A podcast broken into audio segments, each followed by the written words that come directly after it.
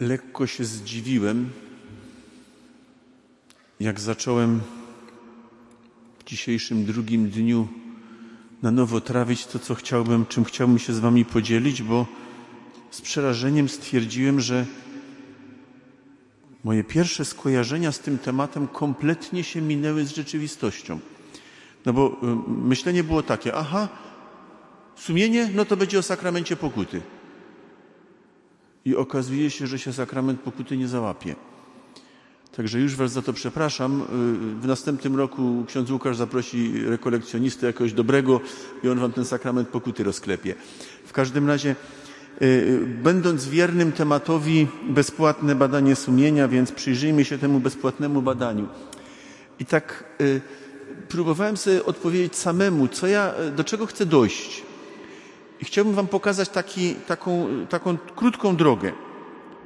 Od tego małego dziecka, które zaczyna, e, że tak powiem, e, pierwsze słowa wypowiadać, tak, w tym poziomie religijnym, czyli od tego sumienia, które jeszcze kompletnie nie, nie działa, jak ono dojrzewa, jak wygląda dojrzałe, a potem jak się to przekłada na dojrzałą, dojrzałość moralną człowieka. Bo słuchajcie, chyba macie y, to przekonanie i tą pewność, że my tu nie jesteśmy po to, żeby się zajmować sumieniem. Nas interesuje człowiek. Każdy z nas, jak tu jesteśmy. Sumienie jest y, tym świętym miejscem w nas, ale y, my jesteśmy za całym człowiekiem. I pytamy w ostateczności, jak się to przełoży na nasze życie. I w związku z tym będę Was zapraszał w takie obszary, co do których niektórzy powiedzą, stary, nie przesadzaj, to, to bez przesady, ja do klasztoru nie idę. Ale nawet jak nie planujecie do klasztoru, to zawsze można iść poszukać tam żony albo męża. Wśród nowicjuszek nie zawsze taki dobry, dobry ten, dobra podpowiedź dla tych, którzy się jeszcze nie, nie znaleźli w życiu. Straszne rzeczy opowiadam. Ale jak ktoś, że tak powiem, da się wyciągnąć, to znaczy, że miał powołanie do innego życia, więc niech już tak będzie. Od czego zależy to, żeby to sumienie zaczęło dojrzewać? Czyli żebym ja jako człowiek zaczął mieć ten, e, to, to duchowe selfie właściwie e, działające, albo ten rentgen, skorośmy na ten rentgen dzisiaj przeleźli. Na pierwszym miejscu wydaje mi się, że jest jednak autorytet. Ksiądz Łukasz nie wiem skąd to wyczytał, ale on ten sam wątek pociągnął, czyli rozumiemy, że jesteśmy na tej samej fali. Bo ja się zawsze boję, jak, jak jest dwóch i każdy jedzie w inną stronę, to znaczy, że Duch Święty jest pośrodku, czyli się z żadnym z nich nie spotkał. Ale tym razem nie jest źle. Co mam na myśli przez autorytet? Otóż człowiek, próbując poukładać swoje życie w sposób dorosły, dojrzały, mądry, musi mieć y, y, lustro, do którego, czy, na, w którym będzie się odbijał musi mieć przewodnika, który go będzie prowadził. Jakie tu są trudności? Trudność pierwsza jest taka, że trzeba właściwie wybrać, bo pseudoautorytetów mamy mnóstwo. A jeżeli chcemy wybrać autorytety, te, które nas poprowadzą właściwie, to na skróty byśmy powiedzieli rodzina, rodzice. Też już nie działa dość często. Więc jak to rozpisać? Ja oczywiście marzę o czasach, kiedy jeszcze była ta wizja mistrz i uczeń. Ja miałem szczęście w życiu mieć mistrza, który mnie przeprowadził przez młodość, przez początki kapłaństwa i dziękuję Panu Bogu za to. Jeżeli umiecie, znale umiecie znaleźć takiego mistrza w swoim życiu, y, to znaleźliście skarb i tego nie odpuszczajcie. To są tacy, y, takie, tacy chodzący mędrcy po naszej ziemi.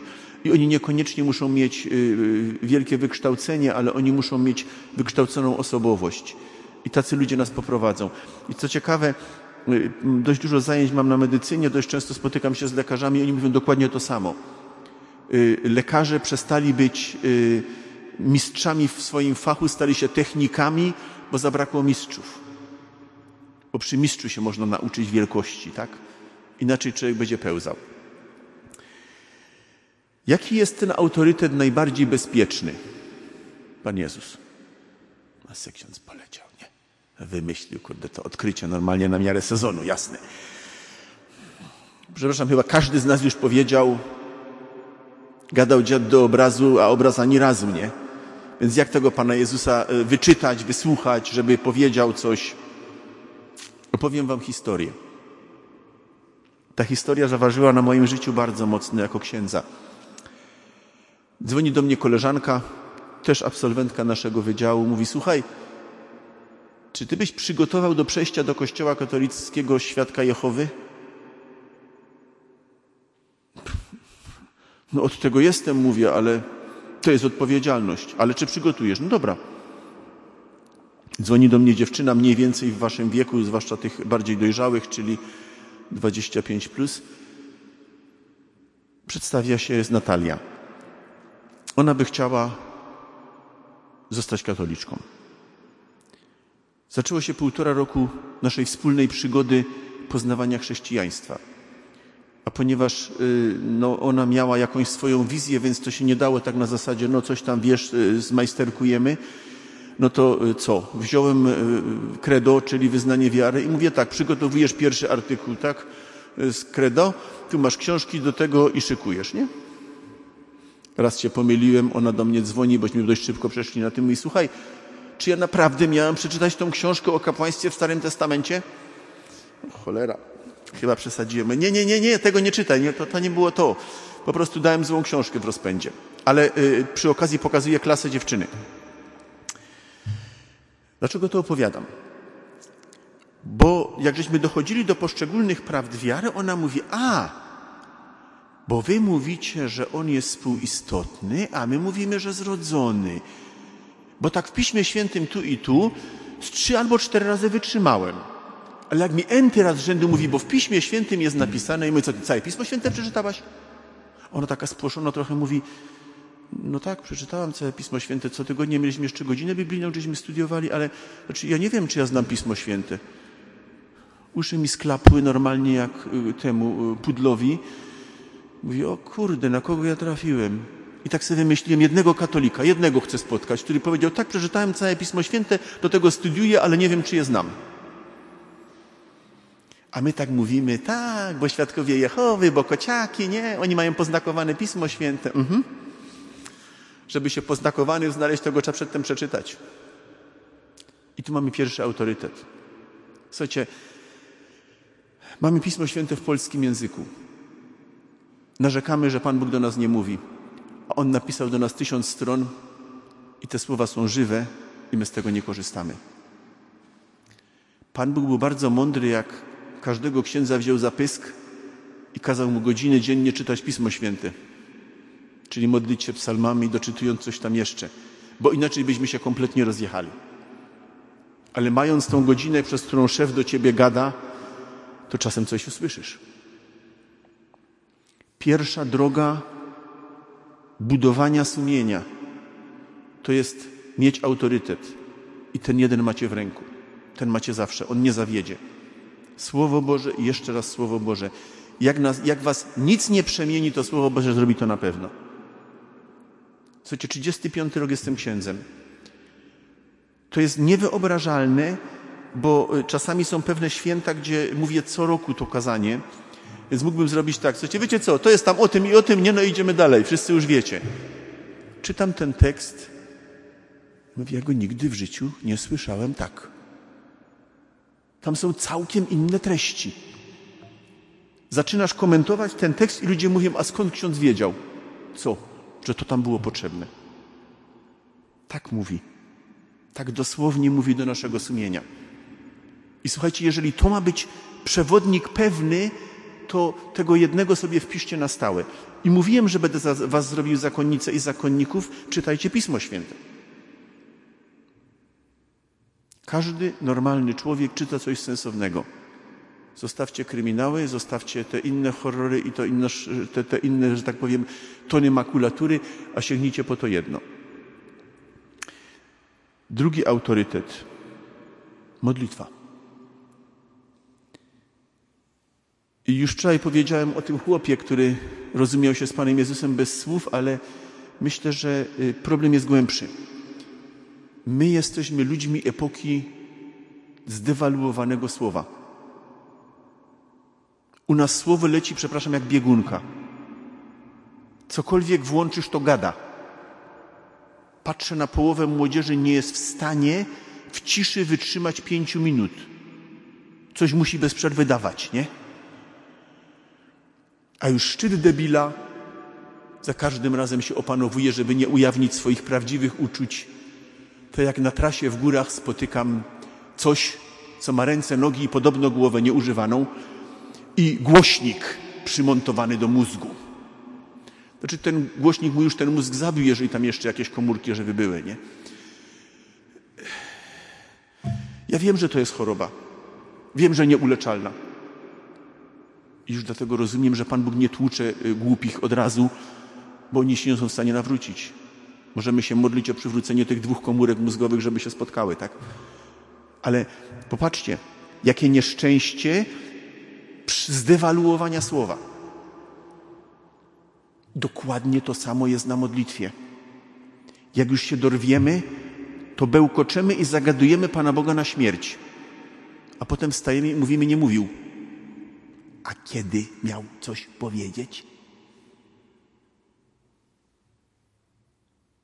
Jak daję niektórym moim penitentom za pokutę 15 minut pomilczeć przed Najświętszym Sakramentem, to niektórzy mówią, proszę księdza, ale to był horror. No bo od razu się umyśl, włącza biegunka myślowa, nie? Jak już nie mówię, to przynajmniej myśli latają wszędzie. Zdusić, zdusić, uspokoić. I nagle po 12 minutach narodziła się jakaś myśl. Zakładając, że w kaplicy diabeł rzadko się modli, to chyba nie od niego. Poćwiczcie. Te dwa autorytety są niewątpliwe. Jeden to jest rozmowa z Panem Bogiem i żeby to nie było moje wymyślone, modlitwa pochodzi od moduła, modelowanie. Modlitwa to jest kształtowanie człowieka. Jeżeli ja będę swoje sumienie tu urabiał, mam spokój. Wszystkie inne autorytety, autorytety są dopiero potem. Ja oczywiście kocham świętą Ritę, świętego ojca Pio i paru innych, ale oni na pewno nie powinni wyskakiwać przez Pana Jezusa, dobra? To też są autorytety, bo oni nas doprowadzają do Pana Jezusa. Ale na litość boską nie zastępują Pana Jezusa. Te nowe ruchy pobożnościowe są w stanie skrzywić nam sumienie. Pamiętajcie o tym, moc świętego i jego chwała płynie z mocy Pana Boga. Święty jest lustrem, który odbił dobroć, miłość i miłosierdzie Pana Boga. Od tej strony święci mogą być idealnym autorytetem. A kto z ludzi? Ten, który więcej mówi postawą niż słowami. Najgorzej, jak nie ma harmonii, jak jest dysharmonia między słowami a czynami. Wiecie dlaczego y, molestowanie, wiecie dlaczego pedofilia w kościele tak bardzo zniszczyła Kościół Polski albo zaufanie do Kościoła Polskiego? No właśnie dlatego, że czyny, przynajmniej niektórych, minęły się ze słowami. W słowach było pięknie, było o Panu Bogu, a czyny poszły w stronę niszczenia, krzywdzenia, w stronę straszną. Dlatego, jeżeli patrzycie na kogoś, kto mógłby być waszym wzorem, to go najpierw sprawdźcie, czy to, co mówi, czyli prawda jego życia i prawda jego słowa spotykają się razem. I jeszcze jedno. Wiarę się dziedziczy. Więc na pewno wasze środowisko rodzinne, jeżeli ma cokolwiek do zaoferowania dobrego, to należy to zabrać. Należy to pokochać i należy to pielęgnować. Ja muszę powiedzieć, przepraszam za to świadectwo dość osobiste. Moi rodzice są 60 lat po ślubie, przed miesiącem. Oni mi o Panu Bogu nie wiem ile razy opowiadali, ale nie pamiętam. Bardzo rzadko. Natomiast nigdy nie widziałem dysonansu. Kiedy ojciec wracał z idiotycznego systemu czterozmianowego, wiecie co to było, cztery dni jedna zmiana, cztery dni druga, cztery dni trzecia, czwarta, to każdy musi wysiąść, to jest to tak zwany y, sadyzm socjalistyczny, to klękał przy łóżku. Skąd to wiem? Bo kiedy wstawałem gdzieś w nocy, to widziałem, że, y, że spał tak jak klęknął, nie? I on mi nie musiał tłumaczyć, gdzie są najwyższe wartości. On mi nie musiał mówić o hierarchii wartości. Skoro on sterany robotą klękał i tam y, zostawał, to znaczy, że to było dla niego najważniejsze. I to mam na myśli, kiedy mówię, że wiarę się dziedziczy. Jak macie gorszą sytuację, bądź z domu tego nie wynieśliście, to macie podwójne zadanie. Znaleźć sobie autorytet w innym miejscu, ale do tego domu tą wiarę by trzeba było próbować zanieść. Ja mam bardzo ciekawe historie, nie będę was tu roz, rozczulał, ale do opowiedzenia o tym, jak młode pokolenie było w stanie zrewolucjonizować dom, jak młode pokolenie było w stanie doprowadzić do ślubu swoich rodziców, jak młode pokolenie było w stanie pozmieniać bardzo wiele rzeczy w domu. Więc czasem te role e, w tym byciu autorytetem się przestawiają. Ale ta druga rola jest też równie ważna. To być może wy jesteście autorytetem moralnym w waszym domu i religijnym przede wszystkim, bo myślimy o sumieniu religijnym. To jest pierwszy poziom budowania sumienia, autorytet.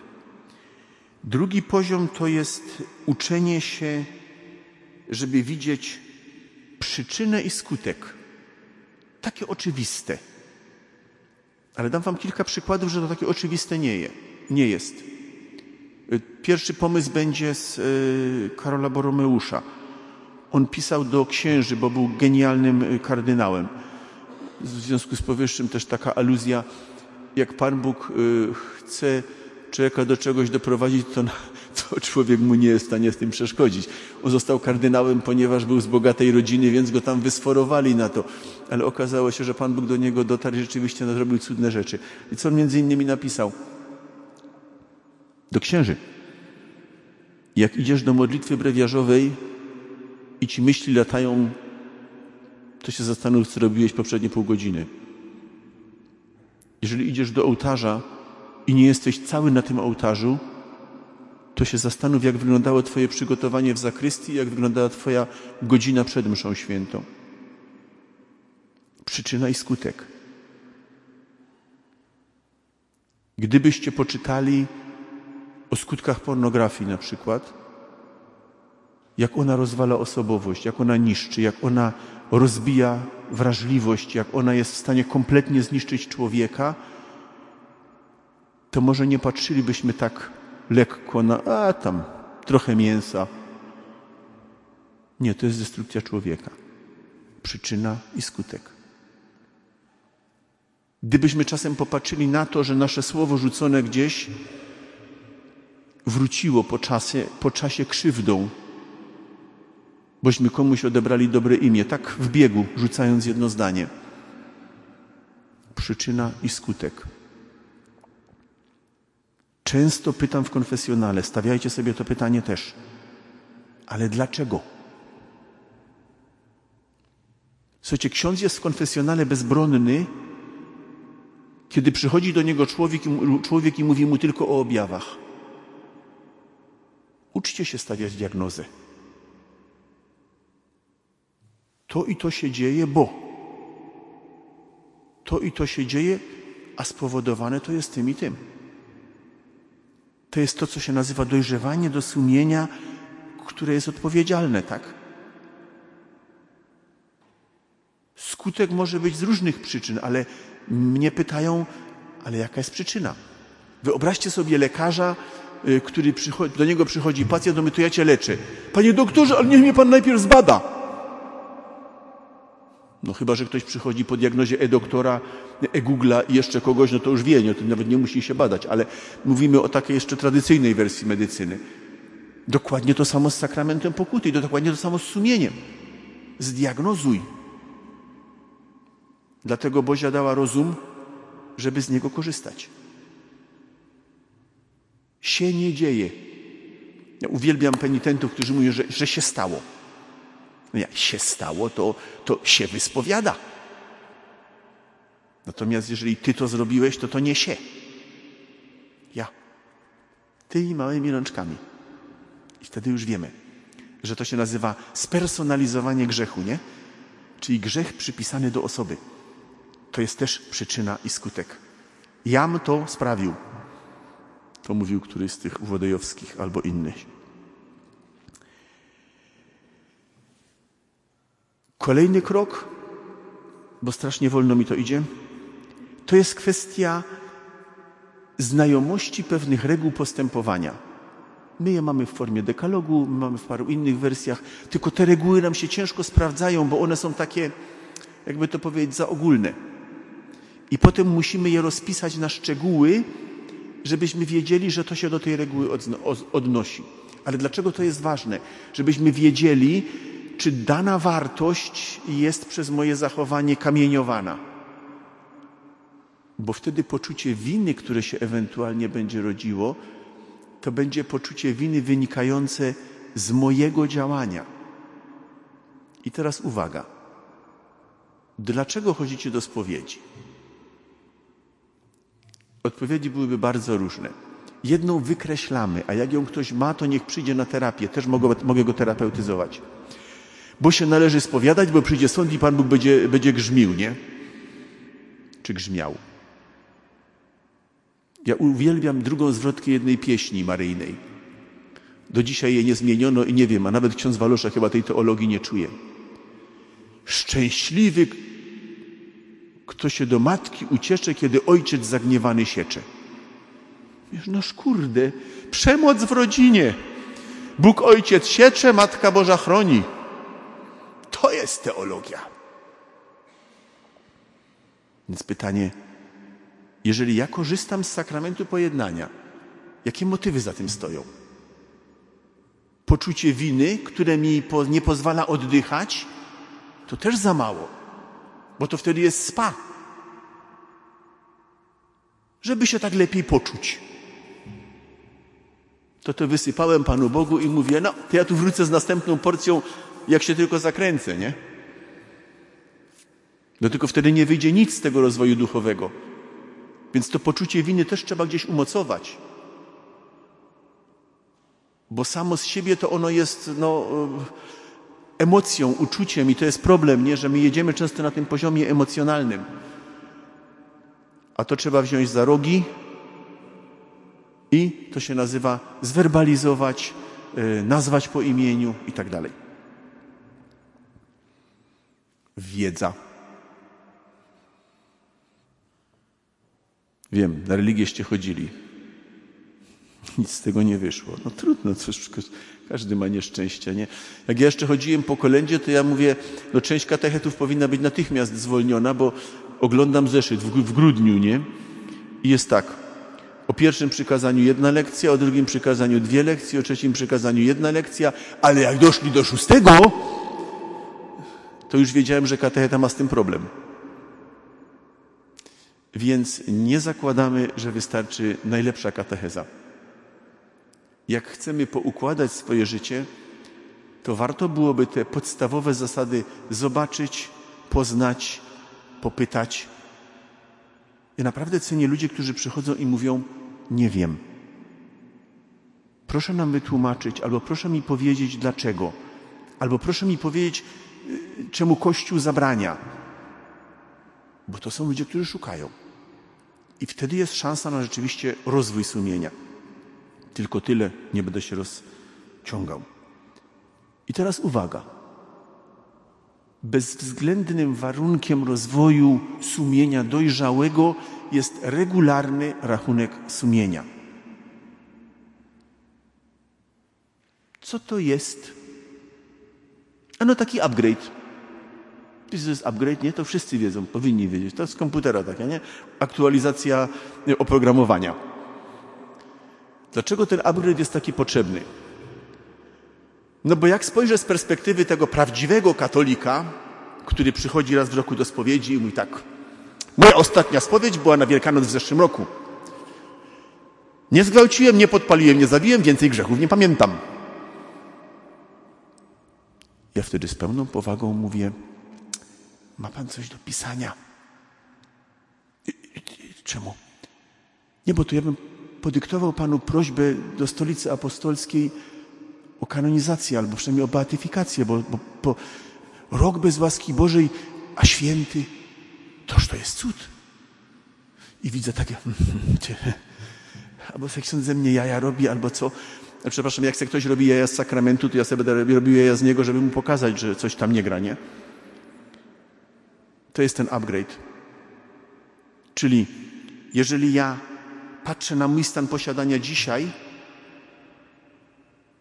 i porównuję go ze stanem posiadania jutro albo pojutrze, to jestem w stanie coś stwierdzić. Jak ja będę próbował porównać to, co mi wyszło z tego mojego programu po kwartale, to najprawdopodobniej będzie mniej więcej podobnie. W związku z tym regularne przyglądanie się mojemu sumieniu, czy ono jest wrażliwe, czy ja widzę przyczynę i skutek, czy ja widzę różny poziom dobra i zła w moim życiu, czy ja doceniam na przykład zaniedbania, które są jedną z najgorszych form y, umierania. Kiedy zaczynam ulewać rozwijanie się, to nie ma wersji takiej, że się zatrzymałem. Nie, nie. Kto się nie rozwija, ten się cofa.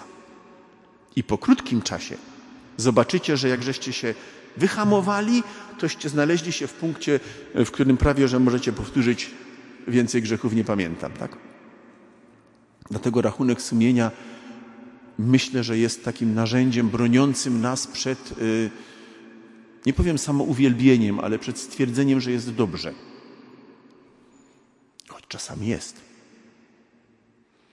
I ostatni element w tym dojrzewaniu do sumienia dorosłego to jest pytanie o dwie rzeczy: o intencje i o motywy. I tu znowu wracam do tego poczucia winy. Jeżeli coś się stało, na co miałem bardziej lub mniej pośredni wpływ, to pytając o intencję, to pierwsze pytanie, jakie stawiam, czy ja to chciałem zrobić? Tak pyta dorosły człowiek. Nie, ale tak wyszło. To jest całkiem co innego. Kiedy się wydarzyło ze zbiegu okoliczności, a kiedy ja cynicznie coś zaplanowałem. Intencja będzie tu bardzo ważna. Próbowałam się pogodzić z koleżanką, ale ona zinterpretowała to źle i jest jeszcze gorzej. To co poczucie winy, że próbowałam, a nie wyszło. I tu się można kompletnie pogubić, jak sobie człowiek nie ustawi pewnych rzeczy po, po imieniu i nie postawi pytania o intencję. Co było moim zamiarem? I tak działa dorosłe sumienie. I drugi punkt motywy. Dlaczego to robisz? Słuchajcie, można się czasami zdziwić w dwie strony. Jest taka bajka, bo bajka o Bosmanie, który klął tak jak przeciętny Polak. Czyli krótko mówiąc po bosmańsku. I chodził codziennie do komunii. I któregoś dnia kapelan nie wytrzymał na tym statku dalekobieżnym i mówi, no człowieku, no przestań, żeż jak ty możesz chodzić do komunii, a potem tak mięsem rzucać? A on mówi, księże, jakbym nie chodził do komunii, to bym codziennie przynajmniej jednego zabił. A tak tylko przeklinam. Widać różnicę? A widać. Zasadniczą. W związku z tym nie chciejmy od razu, żeby wszystko było idealnie, bo się tylko zniechęcimy, ale metoda małych kroczków. Z tym, że ten motyw musi być czytelny, bo też może być w drugą stronę. Jakiż on jest dobroczynny. Rozdaje na prawo i lewo i trąbi i telewizja też przy tym jest. Na pewno robi to dla chwały Bożej. Nie będę polityczny. Jak się zbliżają wybory, to niektórzy kandydaci na posłów i innych osłów są nawet cztery razy do komunii w jedną niedzielę. Tak, uczestniczą we mszy świętej z motywów czasem religijnych. Więc pytam o motywację. I tak w każdym punkcie można rozmienić coś na, na drobne pozytywnie i można coś zawoalować. I teraz mam dylemat ropuchy. Wiecie, na czym polega dylemat ropuchy? Wszystkie zwierzęta każali się uporządkować w lesie i mówią inteligentni na prawo, piękni na lewo. A ropucha mówi, chyba się nie rozerwę. No więc ja jestem na tym etapie teraz, ponieważ y, chciałbym coś jeszcze zrobić i nie wiem co. To może zrobię taki zabieg. Czy wy wiecie, co to jest grzech? To jest to coś, przy czym pipsa sumienie. A co to jest grzech, tak jak was nauczyli? Od księdza biskupa Adamiuka, którego bardzo uwielbiałem, wlecze się przez nasz katolicki kościół zaraza zwana definicją grzechu. Świadome i dobrowolne przekroczenie Bożych przykazań w rzeczy ważnej. Hm? Znacie to? Jak ktoś nie zna, to mu cofniemy kartkę do pierwszej komunii świe... No, do komunii nie, ale do czegoś wam kartkę cofniemy na przykład, nie? To jest to chrześcijaństwo kartkowe, które bardzo lubię. Co jest w tym określeniu fatalnego? Beznadziejna sytuacja grzesznika. No bo jak już mu się wydarzyło coś złego w życiu, to on by się chciał nawrócić. I w związku z powyższym patrzy na to, co zrobił i mówi: To nawracam się do przepisów. Widzieliście już kogoś, kto się do przepisów nawrócił, bo to się nie da. Istota problemu polega na tym, że albo grzech jest osobową krzywdą wyrządzoną osobie, wtedy jest możliwość nawrócenia, bo mnie boli, bo wiem, że skrzywdziłem, bo idę w ramiona tego, który mnie jest w stanie przygarnąć, albo zostajemy na poziomie taryfikatora, świadome, dobrowolne, w rzeczy ważnej, łup, grzech ciężki, następny. A gdybyśmy spróbowali zastosować moją, nie, nie, nie ukrywam, definicję ulubioną świętego Augustyna, to teraz dla tych, którzy znają języki obce, a co? Aversio adeo et conversio ad creaturam. Kreatura to wszyscy wiemy, co to jest, nie? Ty kreatury, jak mówimy kogoś, to mówimy mu komplement.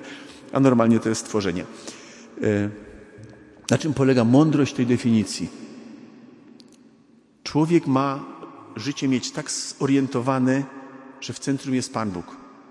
I że wszystko, co robimy, nigdy nie, nie odwraca mnie od Niego, czyli krótko mówiąc, jak mówią Czesi, nie pokazuje mi Go ze zadu. Natomiast grzech polega na tym, że cokolwiek odwraca mnie od Boga i cokolwiek angażuje mnie bardziej niż On. I w tym momencie zaczyna być ciemno. Obrazy adwentowe. Ciemność to jest zło. Kiedy się zaczyna robić człowiekowi ciemno? Kiedy światło zasłania sobą. To jest ta teologia, w której sumienie ma zawsze pole manewru. Skoro się odwróciłem od Niego, który jest całym moim życiem, całym światłem i moją miłością, to o czym marzę? Czego pragnę? Ja chcę wrócić do Niego. I w tym momencie znowu papież Franciszek, rozmowa, dialog, który z tych ostatnich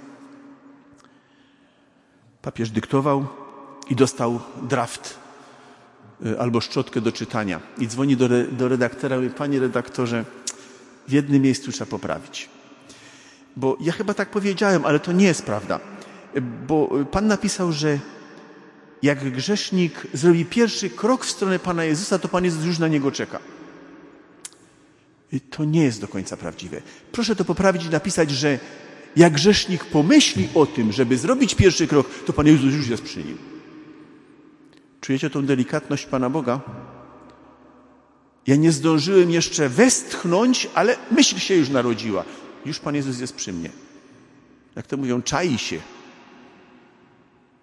Ale oby się tak ciągle czaił, tak, w naszym życiu. Bo w tym momencie sumienie przestaje być instancją karną, wtedy przestaje być rozliczanie i taryfikator, a pojawia się jedno sumienie jako to, ten środek we mnie, który piszczy, bo mi źle. Ale uwaga, emocja, nie?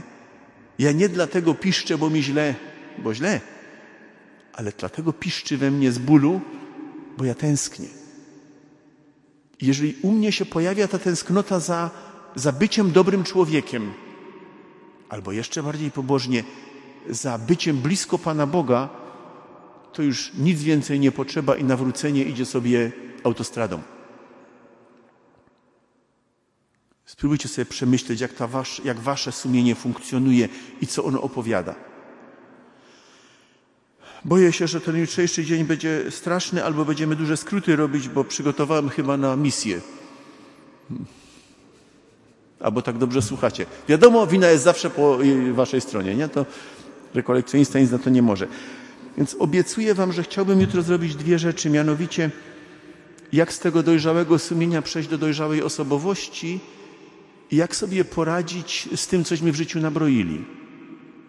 Bo mam takie wrażenie, że to jest jeden z, jedno z większych pytań, tak? że nasze sumienie zdążyło nam już poopowiadać, że zaliczyliśmy parę, parę rowów, kilka zderzeń i parę innych rzeczy, używając z języka tej nawigacji. Jak to teraz wyprostować? I dość często mam wrażenie, także z konfesjonału przede wszystkim, że sobie y, nie tylko, że z tym nie radzimy, ale że próbujemy to ze sobą wlec i to nas hamuje w rozwoju i nie pozwala latać. Natomiast wersja powinna być taka, jak z tym łotrem na krzyżu. Dziś będziesz w raju. I to jest sposób działania Pana Boga. Oczywiście tam jest jeden mały hak teologiczny, nie wiem, czy wy wiecie jaki. Pan Jezus to mógł spokojnie powiedzieć, bo u Boga nie ma czasu, nie? Także u Niego jest zawsze dziś. Ale to oczywiście e, lekki, lekki, lekki dowcip teologiczny. Natomiast mówiąc poważnie, e, Pan Bóg nie ma problemu z naszymi słabościami, z naszym grzechem. To my mamy z Nim problem. Ale to jest taka zachętka. Wiecie, jak chcecie dobrze łowić, to trzeba zanętę rzucić, żeby ryby przypłynęły. Więc zanęta rzucona. Do zobaczenia jutro wieczorem. A teraz y, jednym na herbatkę, drugim na śpiewanie. I dziękuję, że jesteście.